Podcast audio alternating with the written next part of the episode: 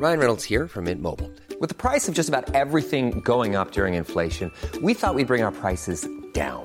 So to help us, we brought in a reverse auctioneer, which is apparently a thing. Mint Mobile unlimited premium wireless. Ready to get 30, 30, bit to get 30, bit to get 20, 20, 20, bit to get 20, 20, bit to get 15, 15, 15, 15 just 15 bucks a month. So, Give it a try at mintmobile.com slash switch. $45 upfront for three months plus taxes and fees. Promo for new customers for limited time. Unlimited more than 40 gigabytes per month. Slows. Full terms at mintmobile.com. Hiring for your small business? If you're not looking for professionals on LinkedIn, you're looking in the wrong place. That's like looking for your car keys in a fish tank. LinkedIn helps you hire professionals you can't find anywhere else, even those who aren't actively searching for a new job but might be open to the perfect role. In a given month, over 70% of LinkedIn users don't even visit other leading job sites. So start looking in the right place. With LinkedIn, you can hire professionals like a professional. Post your free job on linkedin.com/people slash people today. Since 2013, Bombas has donated over 100 million socks, underwear, and t shirts to those facing homelessness. If we counted those on air, this ad would last over 1,157 days. But if we counted the time it takes to make a donation possible, it would take just a few clicks. Because every time you make a purchase, Bombas donates an item to someone who needs it.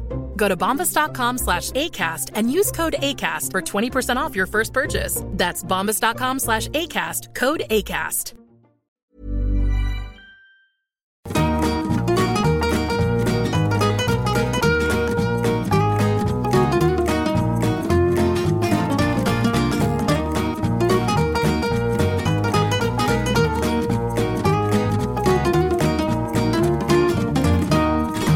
Hallå, hallå! Varmt välkomna tillbaka till Kulturråden. Jag heter Soraya Hashim. Och jag heter Cecilia Said Gustafsson. Och vi har en gäst. Vi har en gäst. Det här är en gäst som jag har längtat efter. Det har jag verkligen. Jag, jag ser att du inte tror på mig, men det har jag. Jag har verkligen längtat efter dig.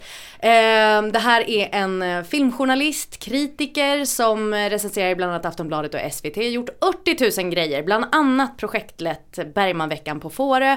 Men kanske coolast av allt för vår generation, och då har jag satt ett frågetecken efter för jag vet inte.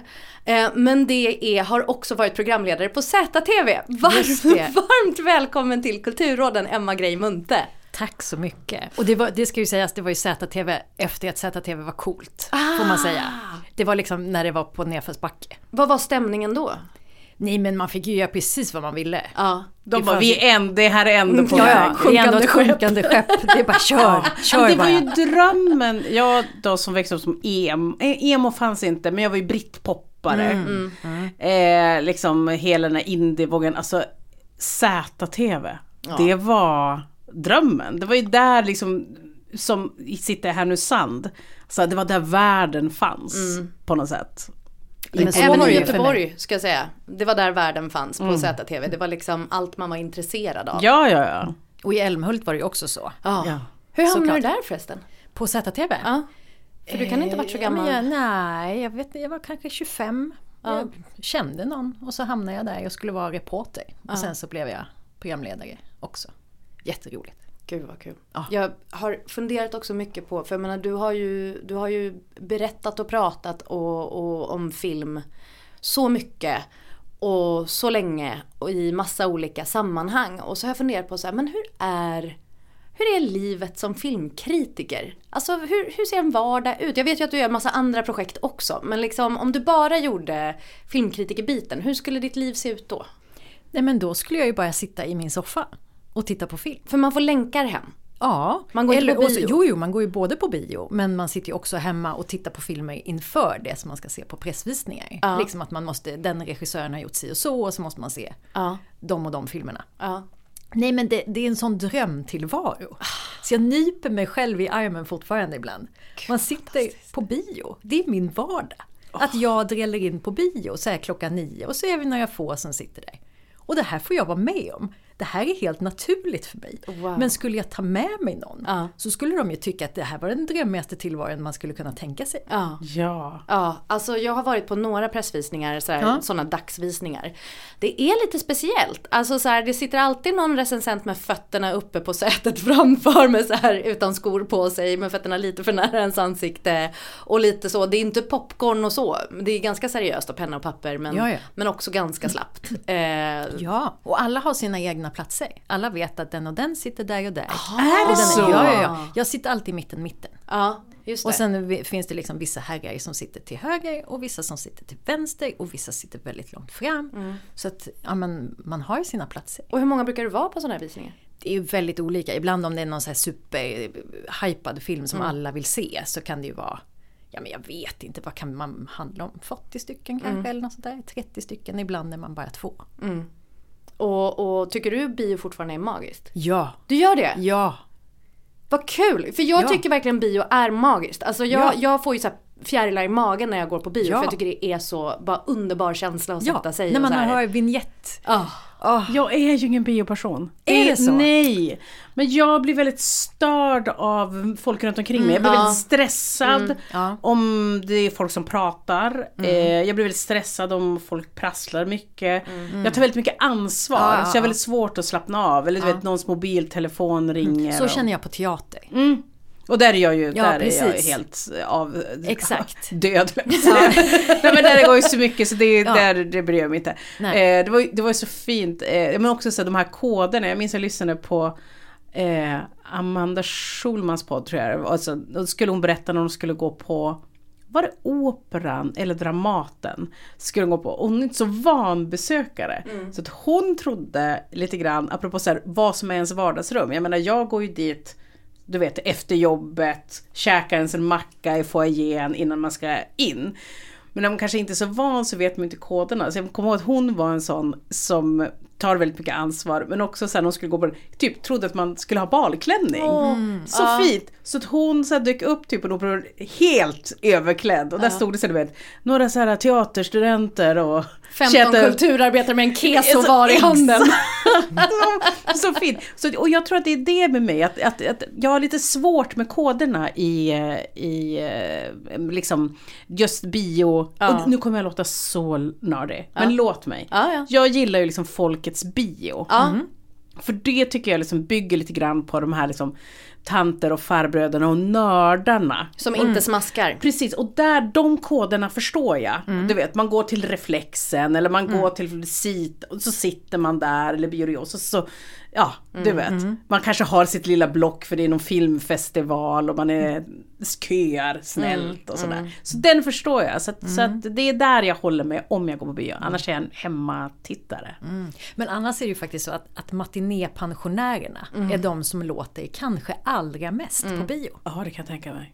De pratar så mycket Ja. och så högt Ja, ja. i normal samtalston. Nej men min mamma kan inte viska. Hon, vet, hon, hon, nej, men det, är- hon vet inte vad det är.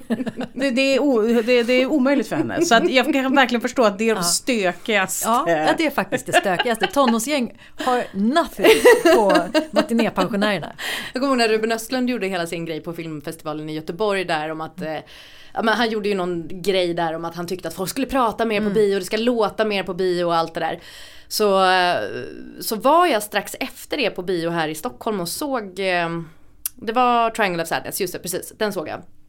Och då kom det in en, en dam och bara “Tänker du prata här inne?” och liksom pekar på mig i ansiktet. Jag bara “Nej, tänker du?” Hon bara “Nej, här inne är vi tysta” för att hon var liksom helt emot Ruben Östlunds grej. Liksom. Jag bara “Ja, nej men jag är med dig, håll Ja. käften på bio”. Jag vill inte höra Hon bara, jag vill inte ha något snack. Ja men det har ett Nej. jävla snack, inte jag heller. Men jag kan verkligen rekommendera om man, eh, och det här har du såklart mycket mer koll på, men eh, i Stockholm, där alla vi bor, så eh, biografen Victoria, innan de drar på sina filmer så har de alltid en vignett för någonting som heter Europa Films. Den är sån banger, den låten. Det är liksom en massa, det är så här jazziga instrument som går igång och den är så jazzig och jag liksom, pekfingrarna åker upp i luften. Och jag, Jag hör den nu, jag känner den så här menar? sprider sig genom min kropp. Och så vispiga trummor och det är tutor och, ja, den är underbar. Jag ska försöka hitta den och klippa in.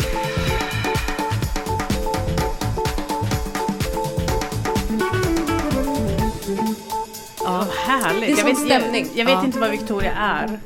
Det är en biograf som, ja men vad är det? För det är SF men det är också lite indie-vibb typ. bio. Ja. eh, Är det. Eh, Och de, de kör lite så här, ja men matinéer mycket. Och Vart ligger så här, den? Eh, på Åsögatan, Mm, vid Medborgarplatsen okej. typ. Spännande. Så här, Supermysig biograf. Och nu Jättebra. har de fått tillbaka ett café. Jag brukar sitta där och Nej. jobba jättemycket. Mhm. Ja, toppenplats. Men hörni, ja men den här podden som vi gör, vi kan ju berätta vad den gör. Eh, Man skriver in till oss med sina problem, vi svarar genom att tipsa om kultur som kommer lösa era problem. Och svårare än så är det inte. Precis. Och man kan ju också hitta oss på Instagram. Mhm. Eh, där heter vi Kulturråden. Och om man vill väl mejla in en fråga till oss. För det kanske man vill. Ja, det tycker jag. Vart mejlar man då? Ja, men kulturraden.gmail.com då. Mm, visst. Och vi spelar som vanligt in här på Nöjesguiden. Och det är vi evigt tacksamma för. Ja. Ska vi köra igång? Ja!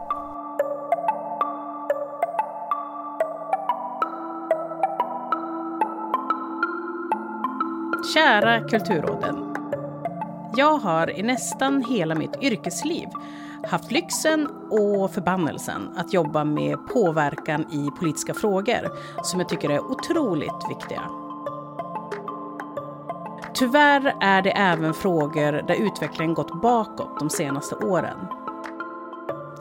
I mitt jobb får jag vara med på möten med politiker, jag hör dem prata när de inte är i strålkastarljuset och det gör att jag börjar tappa tron på var vi är på väg och den politiska viljan att göra något annat. Jag börjar känna mig som en gammal stöt som mumlar om hur det var bättre förr. Hur ska jag få tillbaka min tro på politiken och känna att det går att förändra? Tacksam för all hjälp jag kan få. Maja. Och PS, snälla säg inte elda under din vrede. Det är inte elden som är problemet. Skulle jag börja? Vi var lite inne på det här förut, men jag vill ändå höra mer om det. Vem var ni på gymnasiet? Alltså var ni Kolingen, Tönten, Pluggisen? Du sa emot förut Cecilia. Ja, nej det var jag inte. Jag var ju estetbrud. Ja. Så per automatik cool. Eh, jag var också kickers, alltså jag, var- jag kom ju utifrån att vara kickersbrud på högstadiet. Så jag var bråkstake, skolkade mycket, rökrutan, skinnjackan nedanför armarna. Och sen så blev jag väl då estetbrud, lite flummare. Eh, Gick med i politiskt parti. Vet du vem jag ser framför mig? Jag ser Janine Garofalo i Romeo och Michelle. Ja, ja men det, du? ja, det, det är inte helt, Ja. eh, det är inte helt. Eh, he, om ni kommer ihåg, eh, kommer ni ihåg Tre Kronor? Ja. Oh ja. Alva var jag. Vi såg exakt likadana ut. Taggens lillasyrra? Ja. Ja, just det. Som Ja. hade liksom du vet såhär patus och gick Ja. omkring i så kläder från indiska. That's me in gymnasiet. Okej. Du då Emma? Nu måste jag först börja säga att jag ser ut som taggen när jag har utsläppt hår.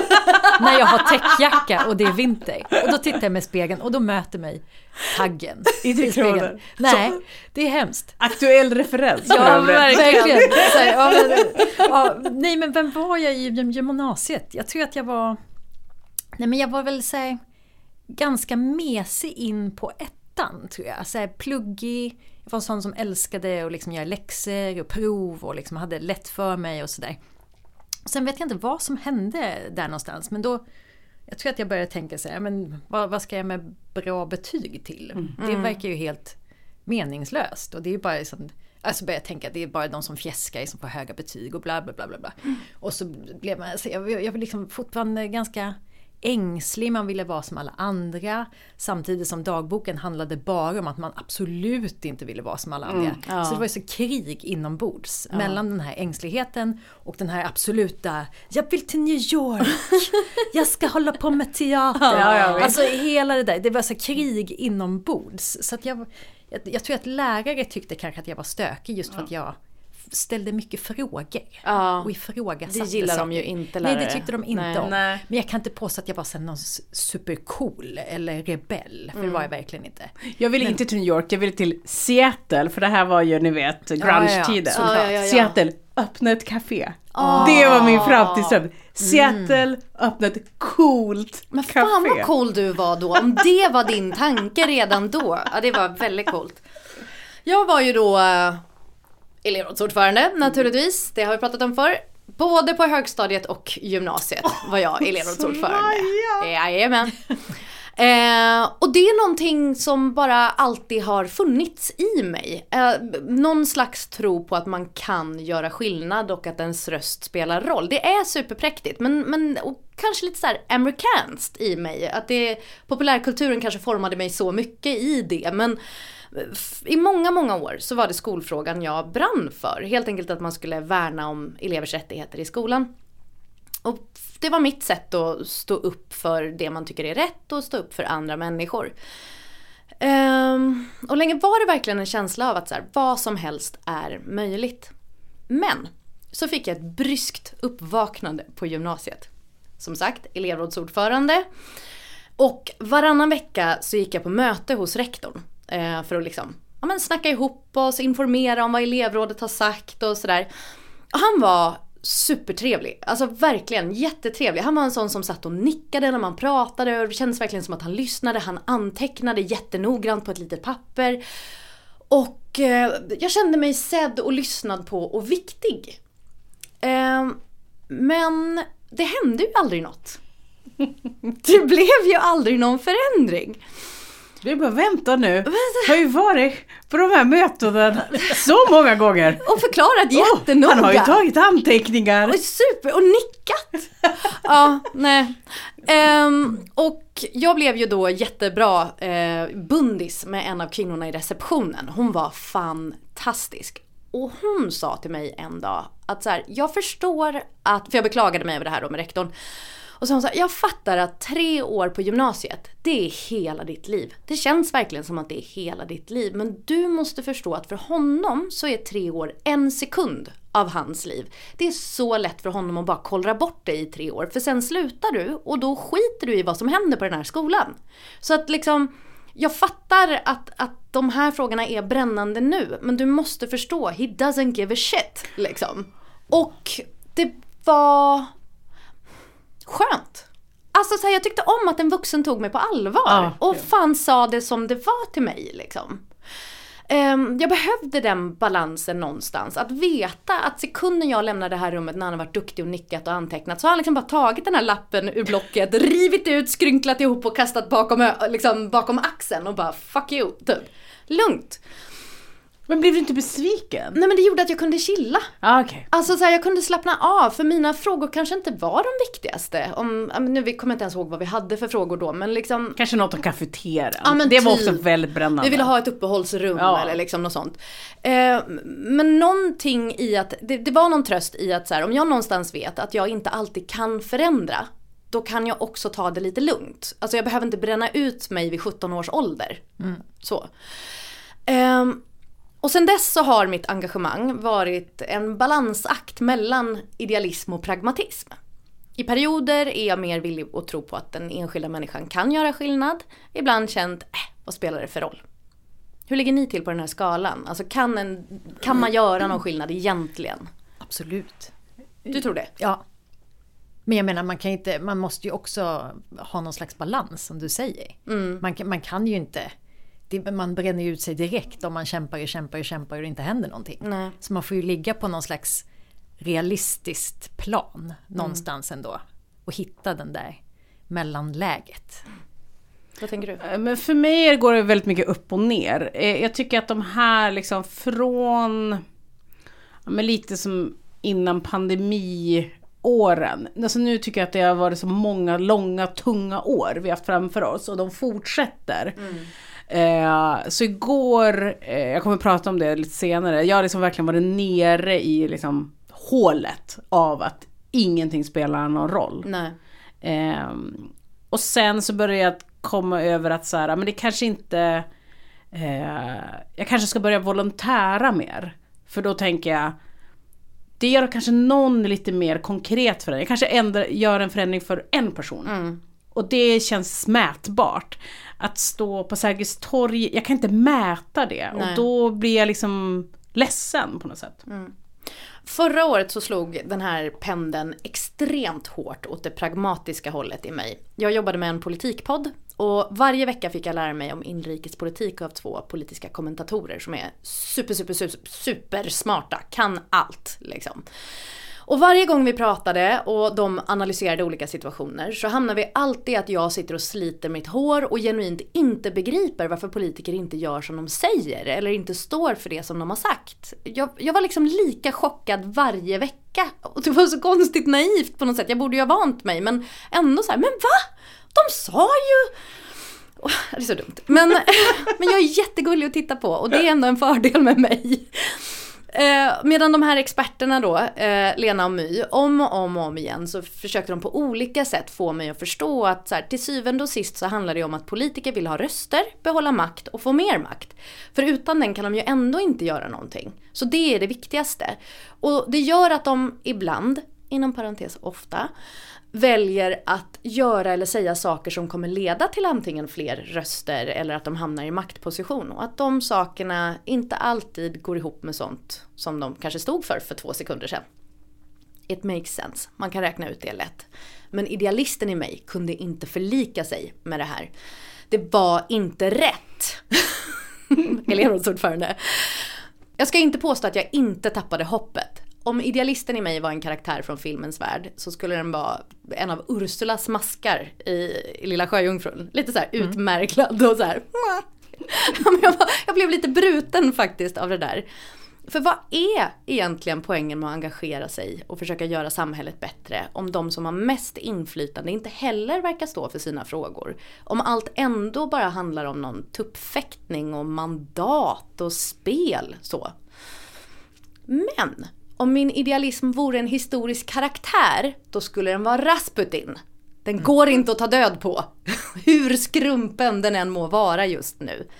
För det finns ändå sätt att brinna. Och jag tycker, Cecilia, du är inne på helt rätt grej. Som du sa här. Alltså det handlar om, för mig i alla fall, att man, man kan se att man kan göra verklig skillnad i det lilla. Eh, I de små sammanhangen där det ibland faktiskt behövs mest. Där kan man kanske göra den största skillnaden och se att det spelar visst roll. Det, det du gör räknas och påverkar. Läste ni Fredrik Strages kolumn i DN häromveckan om hans lärarvikarie som han hade? Nej, jag såg bara någon... Yes. Exakt. Social media ladies. Du bara flög förbi. Ja, liksom. jag såg ja. det i flödet. Ja, berätta, vad handlade den om? Ja men den var så himla fin. Jag grät rakt ner i min frukostmacka. Alltså, eh, en dag på gymnasiet kommer in en eh, vikarie och hon ser inte ut som alla andra. Hon, hon är cool! Hon är cool!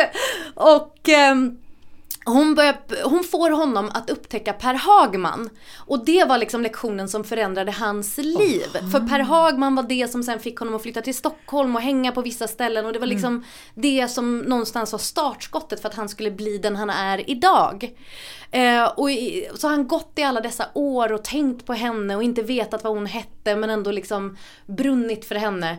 Och så skulle han vara med i ett samtal på bokmässan nu i år och så hade den som ordnade det sagt så här Ja och din gamla lärare Maria Shotaheiti eh, ska vara med. Han bara jag har aldrig haft en sån lärare.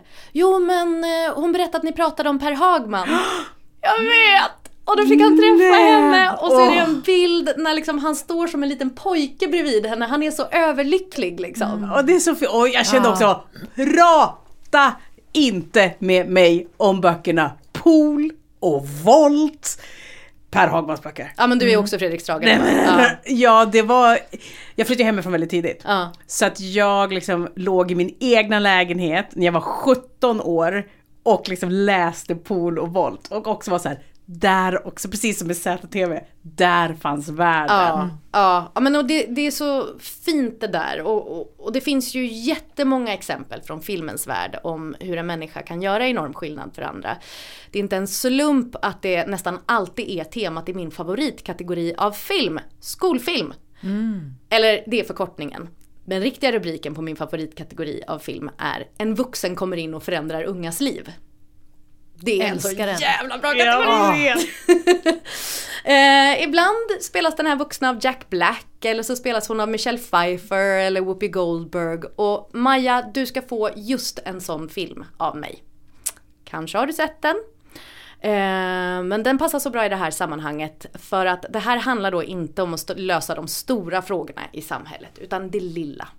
Att rädda ett aktivitetshus och skapa rum för unga att dansa Och den här filmen, den har alla viktiga element en film från tidigt 2000-tal har. Vet du vad det är? Vet du vad det är Cecilia? Vet du det? Alltså du, okej. Jag vet inte Säg vad det är. än då. Jag borde veta. Okej, det är klubbmiljö, det är hiphop-musikvideos, det är så här racinghandskar som modeaccessoar. Scener på ett dansgolv där olika grupper har färdigsnickrade koreografier som gör i grupp mot varandra. Jag jobbar ju med dans, Ja, jag vill bara säga. De har dance-offs och så är det ett jätte, jätte, jätte, jättegulligt barn. Det är coola gästspel, här då från Missy Elliott, Tweet, Genuine, Fonsworth Bentley som vi har nämnt i ett tidigare avsnitt. Och musiken är i centrum, bland annat artisterna jag nämnde men också Mary J Blige och Sean Paul. Och naturligtvis är guldpojken Mackay Pfeiffer med. Ser din blick? Nej, men jag vet inte vad det här är. Det är hemskt. Det är förfärligt. Med Kai Pfeiffer, eh, han fick ju sitt stora, stora genombrott två år tidigare innan den här filmen kom ut när han var med i 8 Mile eh, och nämns i Eminems låt Lose Yourself från den filmen.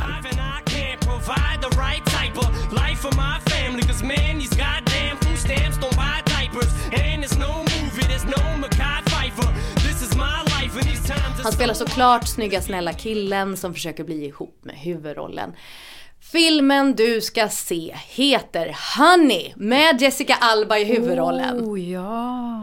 Alltså, Den är så jävla bra! den är så bra. Den är så bra. Den är så bra! Berätta allt du minns om den här filmen. Nej men det är också Men det var så roligt för hon var ju så här uh, on the street. Jag tänkte att så här, det bygger på, hittar jag på, nej men på typ såhär J.Lo. Ja. J.Los karriär, för hon var ju också koreograf, bakgrundsdansare.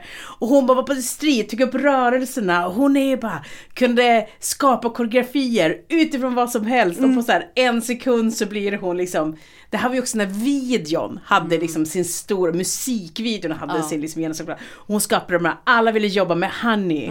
Och Mary H Blige var typ såhär, jag vill bara jobba med Honey. Nej vad säger jag, inte Missy Elliott Elliott. var det. Jag vill bara jobba med Honey. Och, och det är så roligt för att de har ju också den här underbara eh, community building. Det var som att hon får sin första check från en musikvideo och bara nu ska jag köpa ett eh, typ kulturhus. Man bara, Typ, ja. gumman, du måste planera lite bättre. Nej men den är bara ljuvlig. Den är ljuvlig. Superlänge sedan jag såg det. Jag minns nästan ingenting av det här och jag älskar ändå dansfilmer. Ja, och jag, men Det är det bästa jag vet. Jag känner också Jessica Alba, henne var inte igår man såg. Eh, nej men hon började göra någon så här eh, barnmats eh, tjohej. Så hon- det går bra för henne. Ja men så här, hon fick barn och sen skulle hon göra ekologisk barnmat. Ja, Alltså, och det så typ- säger, sa Oprah någon gång att det var bra ett nyhetsbrev. Och så Ja, och sen, sen blev det så. ja, och sen Sen är hon tät.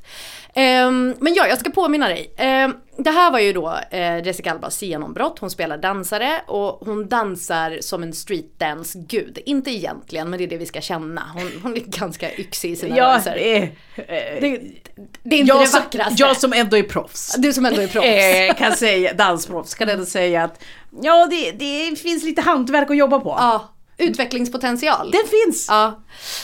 En dag så upptäcker hon några kids som står bakom klubben hon jobbar på där hon är bartender och de står och breakar till någon kille som beatboxar och hon frågar om inte de vill komma till communitycentret där hon undervisar i hiphop. De tycker det låter töntigt och säger nej för de vill inte bli styrda av någon himla vuxen så. Men en dag så dyker de i alla fall upp och den tuffaste av de här ungarna gör ett move där han typ borstar av sin axel och sen typ dissar han hennes lektion och drar därifrån. Men hans lillebror, det här supergulliga barnet, han vill fortsätta dansa med Honey. Och ganska tid får vi då veta att den här tuffa killen, eh, som själv verkligen bara är ett barn, är inblandade i någon slags knarklangning på gatuhörnet och rör sig med äldre kriminella snubbar. Honey ger sina danslektioner på ideell basis. Hennes mamma vill såklart att hon ska jobba med ballett istället. Men Honey brinner för ungdomar och hiphop. Och hon är naturligtvis ett helgon på alla vis. Hon är snäll mot alla, engagerad i sina unga, engagerad i sitt närområde. Hon är liksom, ja men hon är ett helgon. Och hon har aldrig mött en magtröja hon inte har tagit på sig. alltså modet i den här filmen är perfekt. Det är alltid en bar axel. Eh, och lite så här inkrämad, inoljad axel, så här perfekt brun. Och så typ en liten topp. En liten, liten topp. Och sen så, alltid ett brett bälte väldigt långt ner på höften. Såklart. Ja. Såklart. Åh, det är så Det är magmuskler och höftben. Ja, nej men det är, ja, det är så coolt. Och lite så här brallor som känns lite militär. Kanske lite så här Men någon stripes som hänger ifrån Ja, ja, ja. brallan. Kanske någon Ah. liten sidoficka. Ah, kanske en dragkedja, man vet inte. Väldigt låg midja. Ja, väldigt. Det är pubisben. Det är det, absolut. En gylf på två centimeter. Ja. Innerst inne då så drömmer Honey om att egentligen få koreografera hiphop-musikvideos. Så hon väntar på att få sitt genombrott men hon har ingen agent så att hon springer runt på öppna auditions och försöker i alla fall få dansa i bakgrunden. Men så blir hon då upptäckt och får dansa bakom Jada Kiss i en video och då gör hon den här moven när hon borstar av axeln som den här eh, eh, tuffa killen hade lärt henne.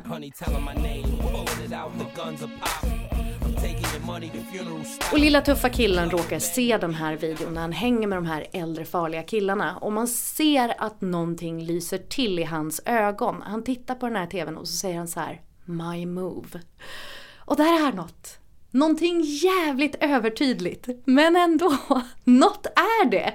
Liksom hur hans, ja men det bara brinner till.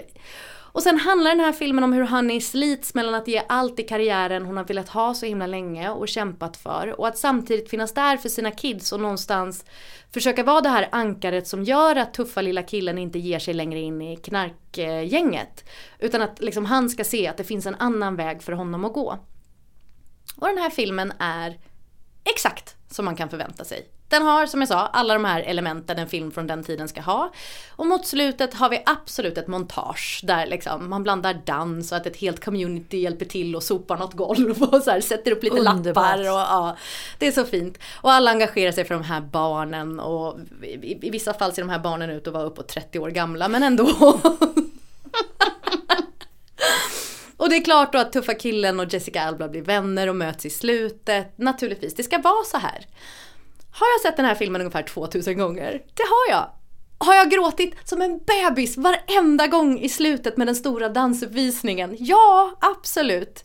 Och det är det här liksom lilla mikrouniversumet som är deras stadsdel som sträcker sig mellan danslokalen och knarkhörnet. Det är där jag vill att Maja börjar fundera på att lägga sin energi. Kanske är det inte politik du ska verka inom. Inte på den nivån. Eh, det behöver inte vara fel att inte göra det. Det kan vara precis lika rätt att verka på en annan nivå. Lite det här att välja om man ska vara den stora fisken i den lilla pölen eller om man ska vara den lilla fisken i det stora havet. I alla fall ett litet, litet tag. För att ladda idealistbatterierna och se att fan det går visst att göra skillnad, om än bara för en enskild person. Och kanske är det inte genom cool street dance du kommer göra det, utan genom något annat. Men ring gärna om det är cool street dance. För jag är rätt säker på att min kille har några gamla svettband hemma i någon låda som jag kan ta på mig och så här, riva upp ena axeln på en t-shirt och dyka upp.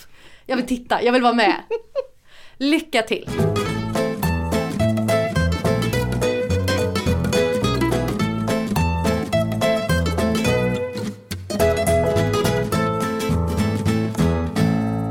Maja, Eh, jag har samma känslor som du och jag kan absolut tänka mig att det är värre att se det här inifrån. Det är tillräckligt illa att titta på utifrån hur politik har blivit teater, att allt ska se ut som någonting och signalera istället för att vara. Och jag håller också med dig om att det inte är att elda under sin vrede som behövs. Men det vi ska göra tycker jag är att göra upp en liten varm och mysig brasa för sin tillit. För det du och jag och många andra som känner på samma sätt behöver göra är att försöka öva på just den där tilliten till våra medmänniskor. Och det låter ju kanske som någonting från en urlöjlig självhjälpsbok. Och jag menar inte att man ska göra trust falls eller blunda och gapa när någon säger blunda och gapa, för det är ju faktiskt bara idioter som gör. Utan jag tänker att man kan liksom börja med så här småövningar, att man sitter på tunnelbanan, eller på tåget, eller på bussen. Och så tänker man så här, om någonting skulle hända här inne, om någon skulle behöva hjälp, eller någon skulle säga något dumt till någon, eller slå någon, eller vad som helst. Då skulle det vara väldigt många i den här vagnen som vill hjälpa. Om någon bara först tar ett steg. Att om någon börjar hjälpa till så strömmar ju folk till. Ehm, och den känslan att tänka det, att det är många fler som vill hjälpa än sådana som inte vill hjälpa. Det är den man måste odla i sig själv att försöka våga vara den som är först med att göra någonting. Eh, Så istället för att bada i den här hopplösheten man ofta badar i över saker som det känns som vi backar kring politiskt. Så får man försöka vila lite i också att de som har gått före, de har löst de här sakerna en gång. Och då kan vi göra det igen. Eh, Så innan jag kommer till mitt huvudtips så ska jag ge det kanske mest uppenbara rådet och det är ju att se filmer och läsa böcker om aktivister. Sådana som verkligen har löst saker, fått saker att röra på sig. Och då om aktivister, journalister, det finns ju massor med sådana böcker och filmer. Och några av de första som dök upp i mitt huvud nu ska jag rabbla upp. så att ni får, man får så många tips med mig. Ja, ja det, är det liksom är inte bara ett tips, man får många. Take notes nu. inte Faktiskt. jobbat med film i massa år för ingenting. Nej, så lyssna på det här nu då. Man kan börja med She Said. Både Ja. boken och filmen som handlar om journalisterna Jodie Cantors och Megan Tuis grävarbete bakom den här New York Times artikeln som i oktober 2017 knäckte Harvey Weinstein. Och om alla kvinnorna som till slut vågade prata om vad de hade varit med om. Just för att de var flera i grupp. en actual rysning. Ja, för någon vågade vara först. Och så finns det ju den svenska motsvarigheten Klubben av Matilda Voss Gustafsson, boken som handlar om hennes grävarbete inför reportaget i DN som sänkte kulturprofilen och Svenska Akademin. Och alla de kvinnorna som vittnade där, som också kunde göra det för att de var i grupp. Jag vet inte om det var 17 stycken eller 18 stycken i det här eh, reportaget. Och så finns det dokumentären The Janes som man kan se som handlar om ett otroligt nätverk i Chicago som runt slutet av 60-talet, början av 70-talet de hjälpte ungefär 11 000 kvinnor att göra illegala aborter. Och de hade ett otroligt system. Det finns också en eh, spelfilm om det som heter Call Jane med Sigourney Weaver och sådär. Så man kan välja om man är en dokumentärperson eller en dokumentär, eller vad säger jag, spelfilmsmänniska. Eh, Så att den kan man också se, otrolig. Och då, då kan man ju se så här, ja men om aborträttigheterna försvinner, då finns den här lösningen. Man kan göra så här. Smyga och Alltså de var här, fantastiska människor. Så att engagemang och sådana eldsjälar som verkligen har liksom gett hela sitt liv för den här saken. Det är otroligt. Ja, nej men man gråter ju som en bebis. Också, samtidigt också så här, eh, lite så här historiskt fruktansvärt när man Ja. tänker på liksom Roe vs Gate. Alltså, alltså Ja. vi, vi är där igen. Ja. Att så här, hur ska vi skapa liksom, möjligheter för kvinnor i USA att kunna göra abort om de vill. Ja. Alltså det är så här, historien upprepar sig på ett obehagligt sätt för, ibland. För på den här tiden, ja den var ju så kusligt aktuell, den kom ju bara för några år sedan. Kanske bara ett par år sedan. Men, men vid den här tiden i slutet av 60-talet då var det också så här, maffian som hade hand om abortverksamheten och då kunde ju kvinnor bara handla, hamna i någon gränd och liksom halvdö.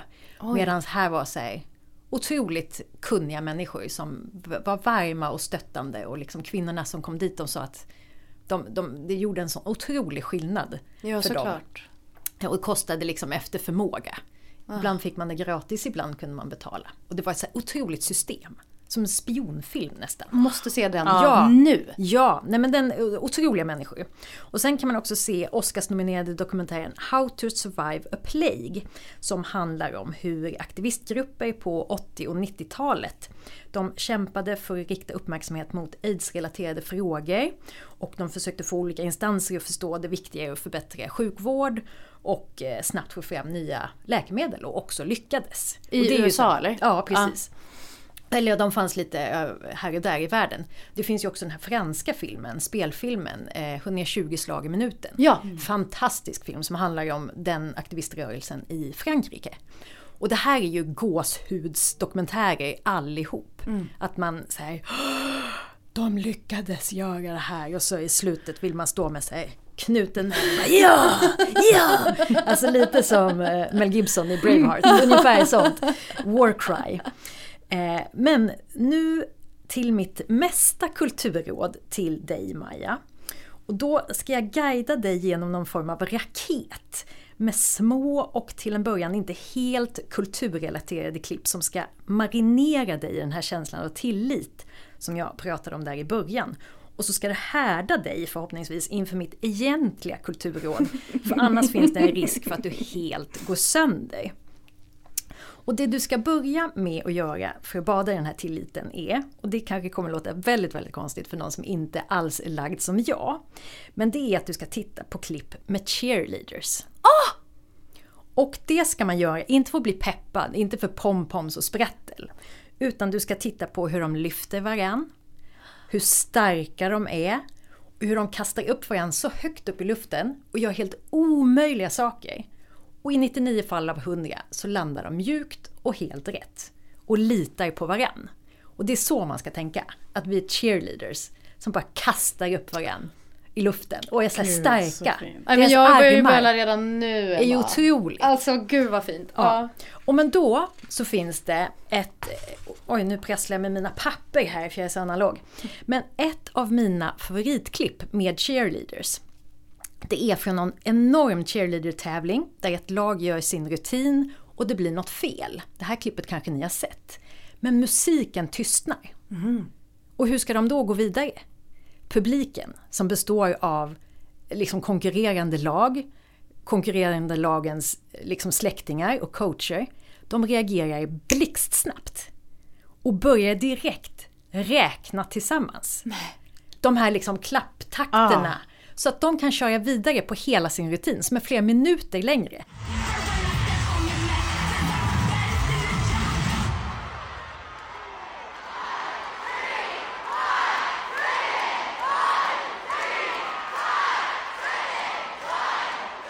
Det är så tusentals röster som bara och de räknar på något konstigt.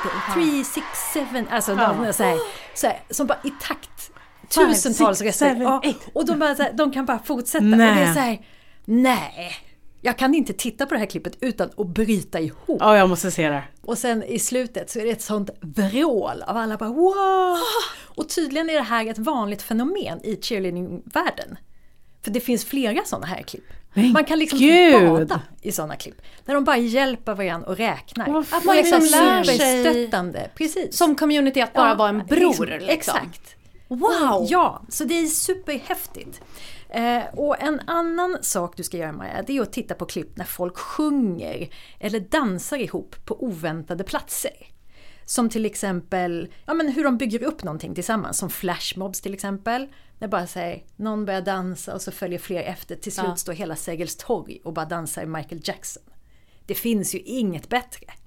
Man blir så här, hur många människor bara lyckas genomföra någonting tillsammans som är helt stört Ja. egentligen. Men där tycker jag det finns en liten, liten hårfin gräns mellan Ja. liksom rys och, och liksom att komma ihop och supertöntigt. Ja, ja, ja. Alltså det, det är liksom gud, en ja. hårfin liten gräns där. Absolut. För det töntiga blir ju liksom när typ Coca-Cola eller Ja, ja, ja. Fanta kommer in och bara Nej, exakt. nu Man ska måste, vi göra en sån man grej. måste leta upp Ja. pärlorna. Ja. Absolut inte de där superfejkade. Ja. Nej, nej, det går ju absolut inte. Utan det som man eh, också kan titta på, det är så här folksamlingar som är på väg från konserter. Och ni vet när de börjar sjunga på Ah. perronger eller tunnelbanor på vägen hem. Har ni sett Dancing on my Ja! Nej men alltså! Det är så här, är det är så jävla fint. Ja, det är så fint. Man klarar ju inte av att titta på det.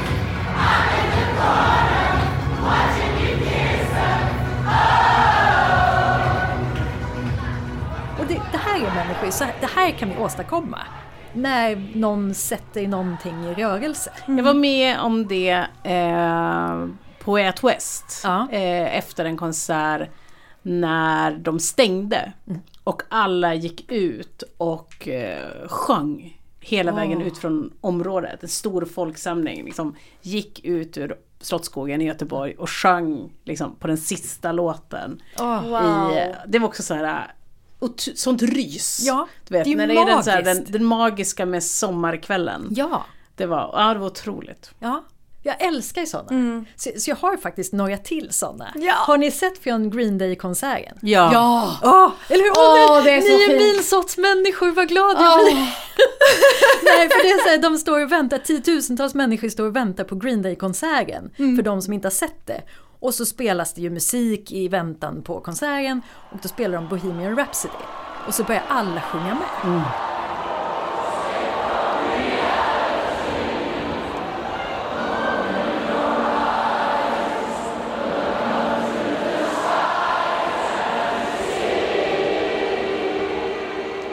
det är ju en jättesvår låt. Mm. Ja, ja. Och då behöver man ju andras medsjung för att själv våga sjunga. Annars Gud, skulle ja. man inte... Man har ju sett haverierna Ja. när folk ska gå på karaoken. ja. Ja, nej, och bara, jag ska köra Bohemian Rhapsody. Jag känner, ska du verkligen det? Ska, ska du det? Ja. Jag varannan helg på Ja. Gröna jägaren.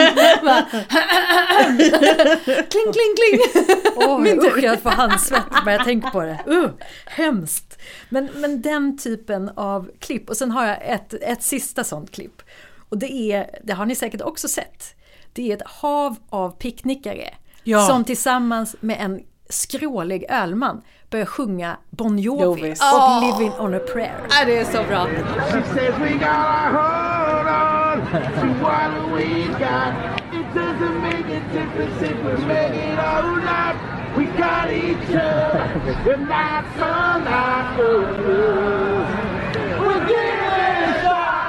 Oh, yeah, baby. Oh, bring it on the bed. Take my hand. We'll make it up Nej men det är så mäktigt! Det är så bra. Jag, jag liksom, nu så här kan jag hålla mitt cool, men när jag sitter hemma, nej, jag- nej det går inte. Nej, nej, nej. Jag älskar det klippet så mycket. Dels för att jag älskar den låten så mycket. Och att, att eh, det, är verkligen mitt, mitt happy go place när jag känner mig ledsen. Att se det klippet om och om igen. Ja. Det Då känner jag såhär, åh nu är världen som vackrast. Ja, ja men Ja men faktiskt. också någonting med att han ser liksom ensam ut och i ett annat sammanhang bara hade liksom stjärnorna stått på ett annat sätt just där och då så hade liksom ingen pratat med honom. Han hade varit så ensam i det sammanhanget och istället så blir han del och centrum och hyllad liksom. Precis. Eh, och då, då ska man liksom, det här ska leda dig till att lyssna på mäktiga körverk. När röster tillsammans gör helt omöjliga saker. Och jag kan ingenting om körverk så att Maja får googla Best Choir Music eller någonting sånt där. För det som jag har i åtanke som man kan göra efter att ha sett alla de här små klippen och försökt bygga upp någon slags motstånd mot den här typen av klipp, för annars är det helt omöjligt. Då ska man titta på Porträtt av en kvinna i brand. Har ni sett den? Ja. Ja. Wow. Vilken film. En otrolig, man ska se den för en miljard olika skäl av olika anledningar. Eh, men en av dem, det är att det finns en körscen i den som är något av det absolut mäktigaste som någonsin har spelats in på film. Och jag bröt ihop när jag tittade på den på bio. Jag gick själv och såg den på Stockholms filmfestival. Och regissören Celine Sciamma var där. Och jag fulgrät, rakt ut. Ja. Och kunde inte sluta. Det här händer i liksom efter halva filmen ungefär. Och det är så mäktigt. Så att jag, jag grät därifrån till, så här, grät i toakön, grät på tunnelbanan på vägen hem, kom hem, stängde dörren och bröt ihop igen i hallen. Oh, wow. För att det är så mäktigt. Och för de som inte vet vad det här är för film så ska jag säga det. Eh, den här filmen handlar då i korta drag om en konstnärinna som kallas till en avlägsen ö för att måla ett porträtt av en ung kvinna som ska giftas bort. Och den här eventuella maken vill se hur hon ser ut först. Men hon vill inte gifta sig så hon vägrar att sitta modell. Och det här porträttet måste då göras i smyg och konstnärinnan får låtsas att vara där som sällskapsdam och försöka betrakta hennes ansikte och sen måla på nätterna i princip. Eh, Och de här två inleder så småningom en relation. Och I det här huset finns också en piga. Och när det bara är de tre där så är det så kompakt systerskap att det känns som science fiction i den här filmen. Man tappar andan. Och jag fick en känsla när jag såg den att man aldrig har sett kvinnor röra sig så här tillsammans på film. Och vid ett tillfälle går de här tre ner till en strand där en grupp kvinnor har samlats på någon form av fest. De dricker, det finns en stor brasa på stranden. Och hittills i filmen har det inte varit någon filmmusik överhuvudtaget. Och sen så bara hör man så här röster som låter väldigt, väldigt lågt. Och sen bara stegrar det och det är bara deras röster och handklappningar som bara växer och växer och växer. Och det är så häxigt och det är så kvinnoskapigt och så systerskapigt. Så att det, är så det är för mäktigt för att få plats i kroppen. Det är helt otroligt. Eh, och liksom, resistensen du har byggt upp, det, det liksom kommer inte alls hjälpa dig tyvärr. Överhuvudtaget. Du kommer vara körd resten av dagen. Eh, för det, det är så fantastiskt och det liksom finns en så tydlig idé i den här filmen att så här kan det bli när röster hörs tillsammans.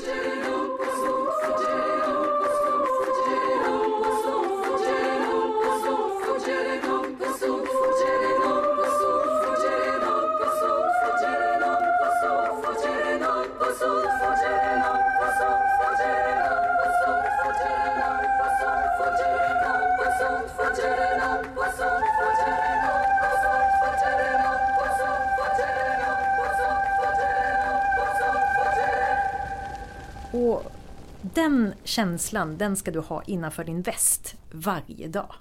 Maja, det tycker jag. Och sen efter det så är du ganska kittad och klar, tänker jag. Men det skadar sen inte om man lyssnar på You're the voice med John Farnham. Varje dag Varje innan dag. man går till jobbet. Ja. Den Ja, är men- så jävla bra. Alltså man kan ju inte ha en, en, en sån här dag när man gör alla de här grejerna. Man kommer vara Nej, kittad och klar för livet. Alltså wow! Wow!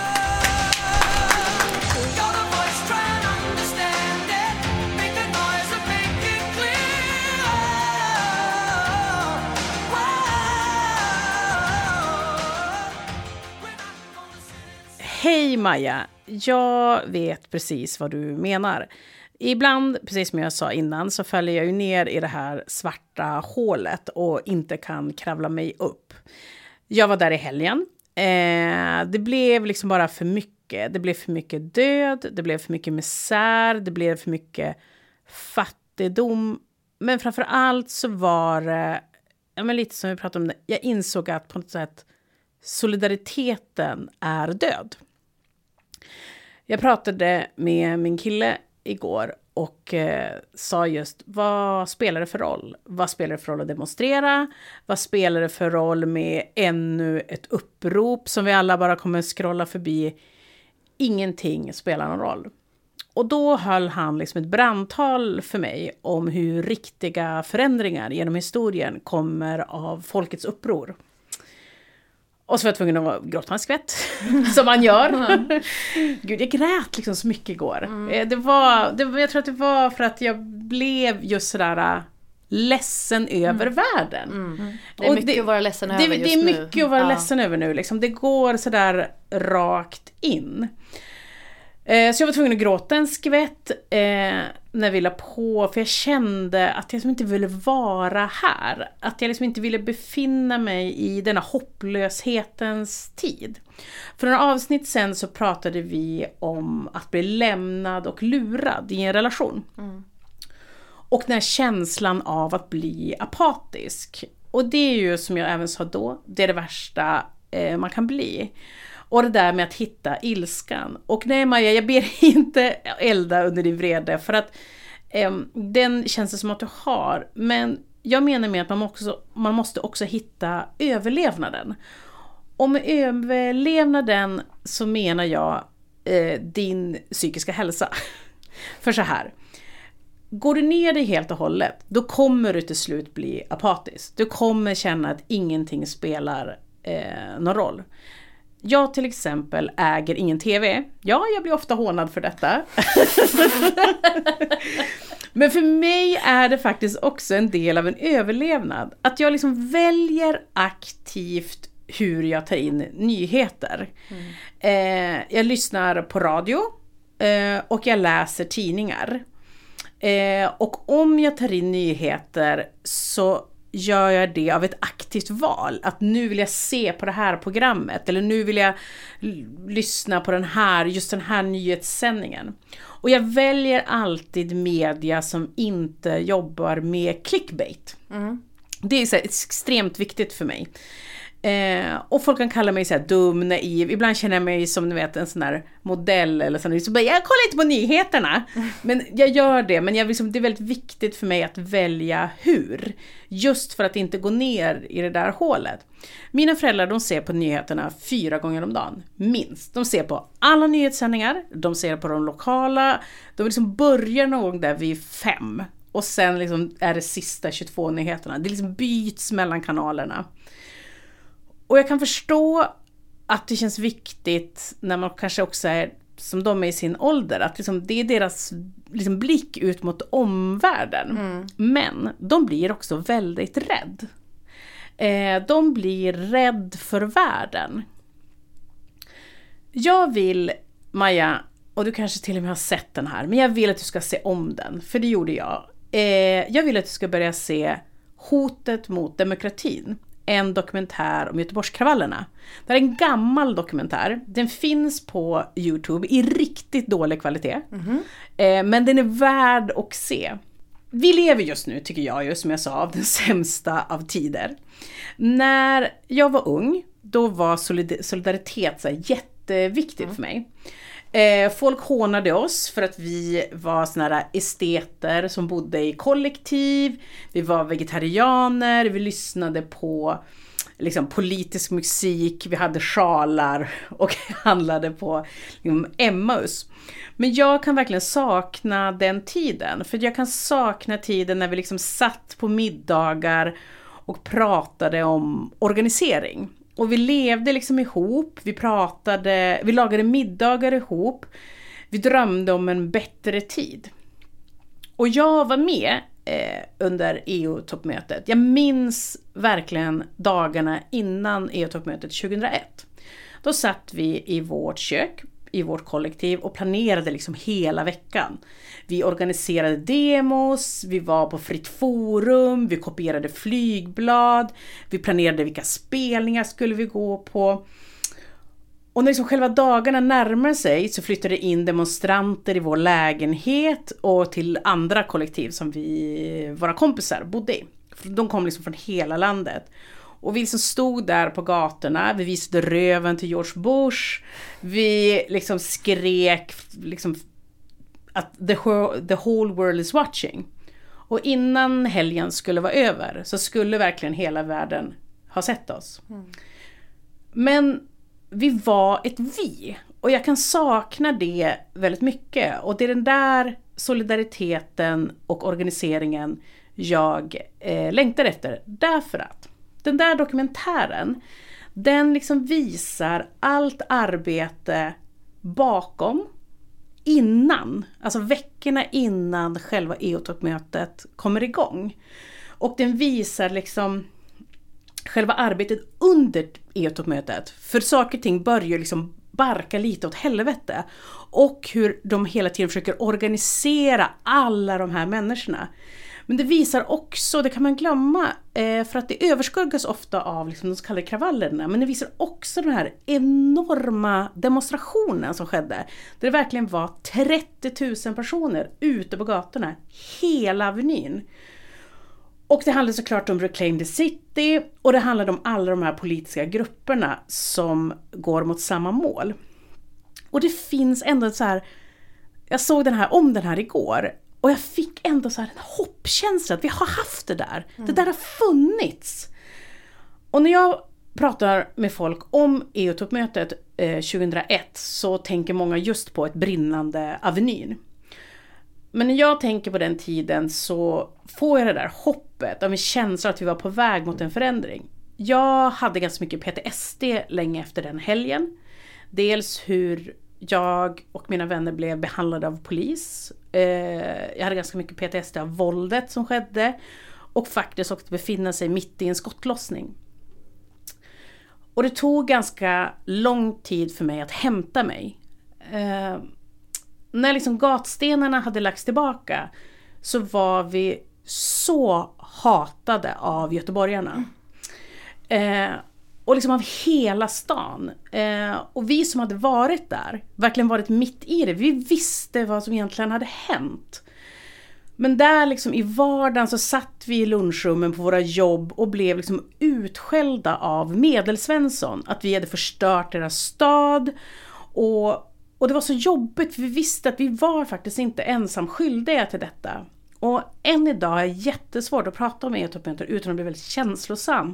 För jag känner mig så otroligt gaslightad av politikerna i Göteborg som beskrev en sanning som inte var sann. Och jag kände mig så sviken av vuxenvärlden som vände oss ryggen när vi sökte en förändring. Men 22 år senare så kan jag ändå känna att jag fick någonstans en upprättelse. Att liksom inte hade hittat på allt. För det pågick ett övervåld som vi faktiskt svarade på. För jag vill att du även ska se På Hvitfeldtska bodde vi av Nils Petter Löfstedt. Under EU-toppmötet så hade han med sig sin kamera och en dröm om att bli fotograf. Och Nils Petter bor där med sin vän på Hvitfeldtska gymnasiet som användes som en övernattning för tillresta demonstranter under EU-toppmötet. Men på morgonen spärrar polisen av skolan. Och det som är lite intressant att du ska se båda de här filmerna därför att den första filmen visar verkligen aktivt vad som händer, hur den har organiserat, folk börjar ringa till varandra. Eh, alla de här politiska volontärerna står och skriker till politiker och, och polischeferna så här, ni kan inte göra det här. Ni kan inte göra det här. Ni utsätter folk för trauma. Och det är, alltså jag får rysningar nu när jag pratar om det. Men de spärrar av hela skolan. Tio timmar senare är dramat över och 459 personer grips. Och det är väldigt, väldigt unga personer. Och gömt i en kastrull på den här skolgården ligger 15 rullar exponerad svartvit film. Och 20 år senare så försöker Nils Petter söka upp några av de här personerna på bilderna. Och vissa av dem faktiskt blev dömda. Och idag så är de liksom sjuksköterskor eller, eller advokater eller lärare. Och vissa har jättesvårt att prata om det här fortfarande medan andra gör det eh, med en lätthet. Och det var så fint för att min VD eh, på mitt jobb var eh, vi började prata om det här och jag, ni hör det själv, jag blir så här darrig för att vi började prata om det här och jag blir alltid så otroligt rörd för att jag kan bli så här det ligger fortfarande mig så nära av att så här vara med om någonting stort men känna hur det liksom glider en ur händerna. Ja.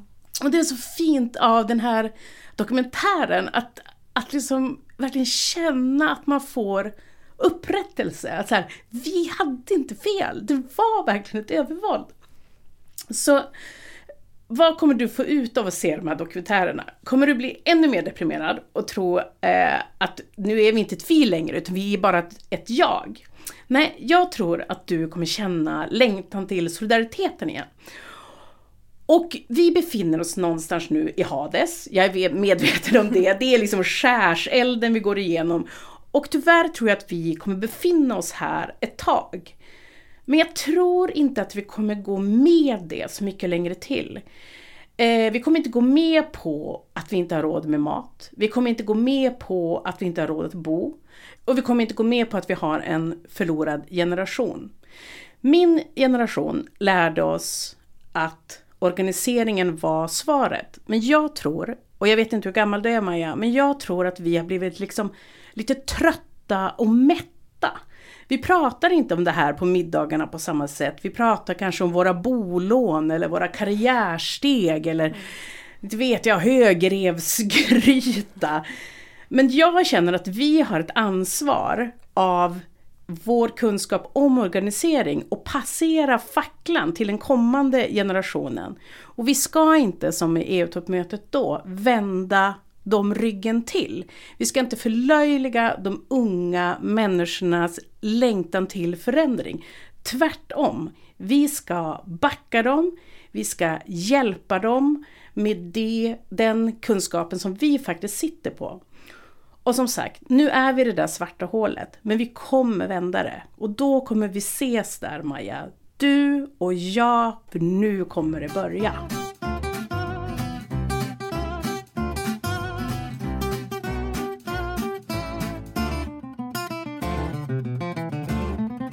Det känns som att jag alltid bölar när Ja, vi det spelar är in därför vi älskar dig. Kulturråden. Det är därför vi jag älskar är dig. så känslig de här dagarna. För det är, det, jag tror att jag känns, för det är, ni, vi vet ju. Det Ja. pågår liksom ett brinnande krig på så många ställen i världen nu. Det är liksom tungt. Det är Det är, tungt, det är mörkt, det är tungt, folk mår piss. Och, och, men jag, kan, jag, ändå, jag börjar någonstans känna det där hoppet. Mm. Någonstans känner jag att det pyr en liten, liten förändring. Och det gör mig glad. Jag hoppas det. Jag, jag såg den där eh, på Hvitfeldtska bodde vi eh, på eh, filmfestivalen i Göteborg. Och hade samtal med regissören. Eh, och den väckte så mycket minnen. Mm. Herregud vad den väckte minnen. Det året när, när eh, EU-toppmötet var, det var första året som min mamma inte bråkade med mig om att åka till Hultsfredsfestivalen. Hon bara ja vilken bra idé, åk! Absolut, inga problem. Mm. För det låg samtidigt. För det var ju samtidigt. Så Just det. det. var ju liksom, hon visste ju vad som skulle hända så då var det bättre tyckte hon att jag åkte Ja. till Hultsfred för att jag inte skulle hamna i någon skit liksom. Mm. Så då gjorde jag det. Men jag minns så tydligt känslan när jag kom hem att alla som hade varit i det berättade en helt annan historia än det som kom på TV. Det politikerna sa, det poliserna sa, det liksom, de där historierna gick inte ihop om vad det var som hade hänt. Och så gick åren. Och tid är farligt och vanskligt för att det kan göra saker med minnet och hur, hur den versionen av berättelsen blev den enda sanna. Den som var, precis som du säger, vuxenvärldens sanning. Som inte alls gick ihop med det, det de jag kände som hade varit med eh, berättade. Och med åren började jag liksom också någonstans kanske köpa den sanningen. För att jag var ju inte där själv. Men jag minns när jag såg den där filmen att liksom all- jag grät så mycket också Ja. för att det var så mycket minnen som kom tillbaka. Exakt det du beskriver, den där fruktansvärda orättvisan i att inte bli lyssnad på. Ja. Att inte få gehör för sin röst och att den absolut inte är lika mycket värd som någon annans. Nej, men det är, det är, jag kan verkligen inte, och det är det, jag tror att det är därför jag blir så himla liksom, arg och berörd.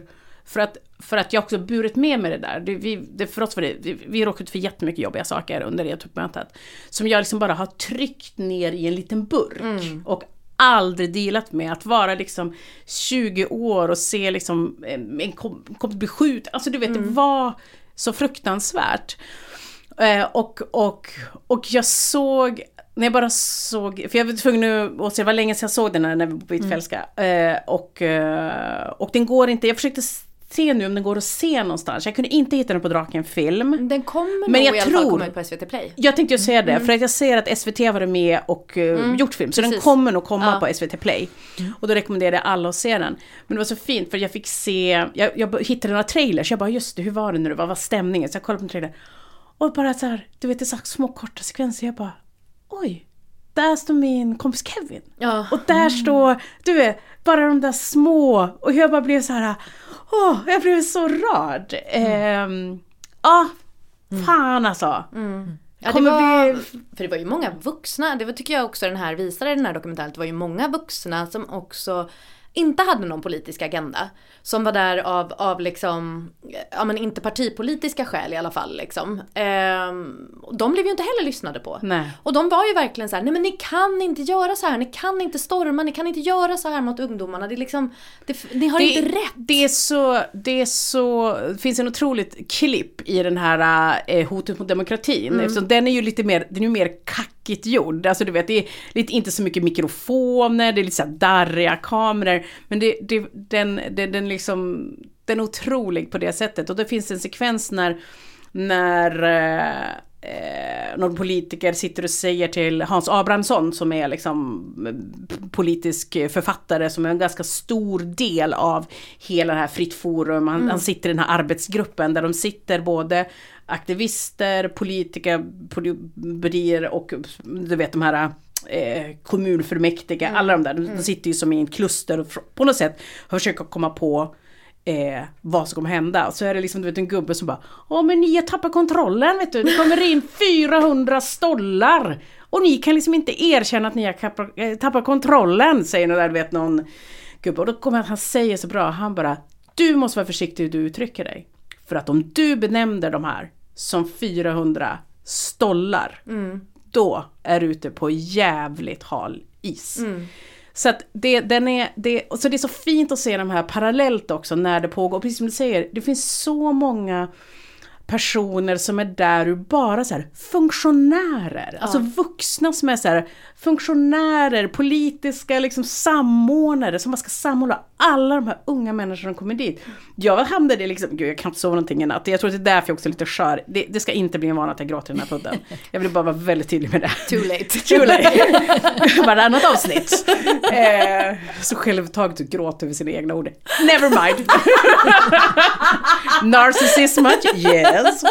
nej, men, nej men du vet att jag också hamnade i ett jävla scrollspår igår. Det är bara where are they now? Ah. Och började så här, googla alla de här liksom aktivisterna. Så här, är de fortfarande politiskt engagerade? Vad gör de? Någon är författare, någon är sjuksköterska, någon jobbar med missbrukare. Jag bara åh! Du vet, hamnade i så här, någon riktig sån scroll... eh, Scrollfia. Ja. Du får eh, ha en reunion.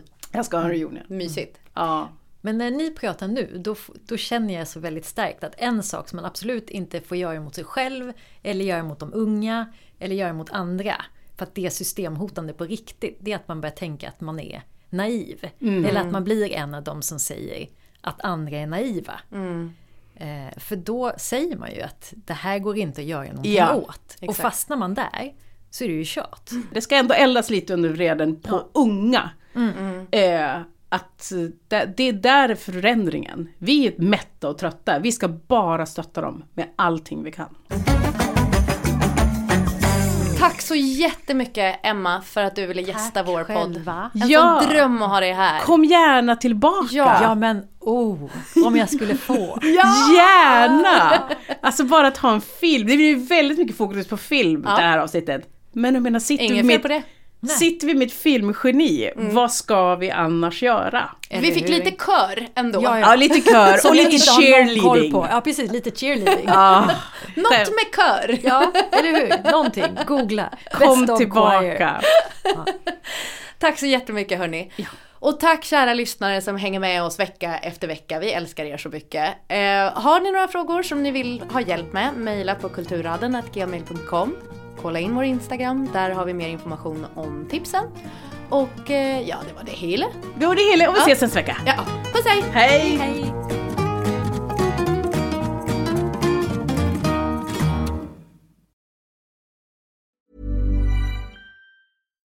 If you're looking for plump lips that last, you need to know about Juvederm lip fillers. With Juvederm Volbella XC and Juvederm Ultra XC, your lip look, whether it's subtle or bold, can last up to one full year with optimal treatment and no additional maintenance. Find a licensed specialist and see if it's right for you at juvederm.com today. That's J U V E D E R M.com. Add fullness to lips in adults over 21 with Juvederm Volbella XC or Juvederm Ultra XC. Do not use if you have severe allergies or a history of severe allergic reactions, or if you're allergic to lidocaine or the proteins used in Juvederm. Tell your doctor if you have a history of scarring or taking medicines that decrease the body's immune response or that can prolong bleeding. Common side effects include injection site redness, swelling, pain, tenderness, firmness, lumps, bumps, bruising, discoloration, or itching. As with all fillers, there's a rare risk of unintentional injection into a blood vessel, which can cause vision abnormalities, blindness, stroke, temporary scabs, or scarring. For full important safety information, visit juvederm.com.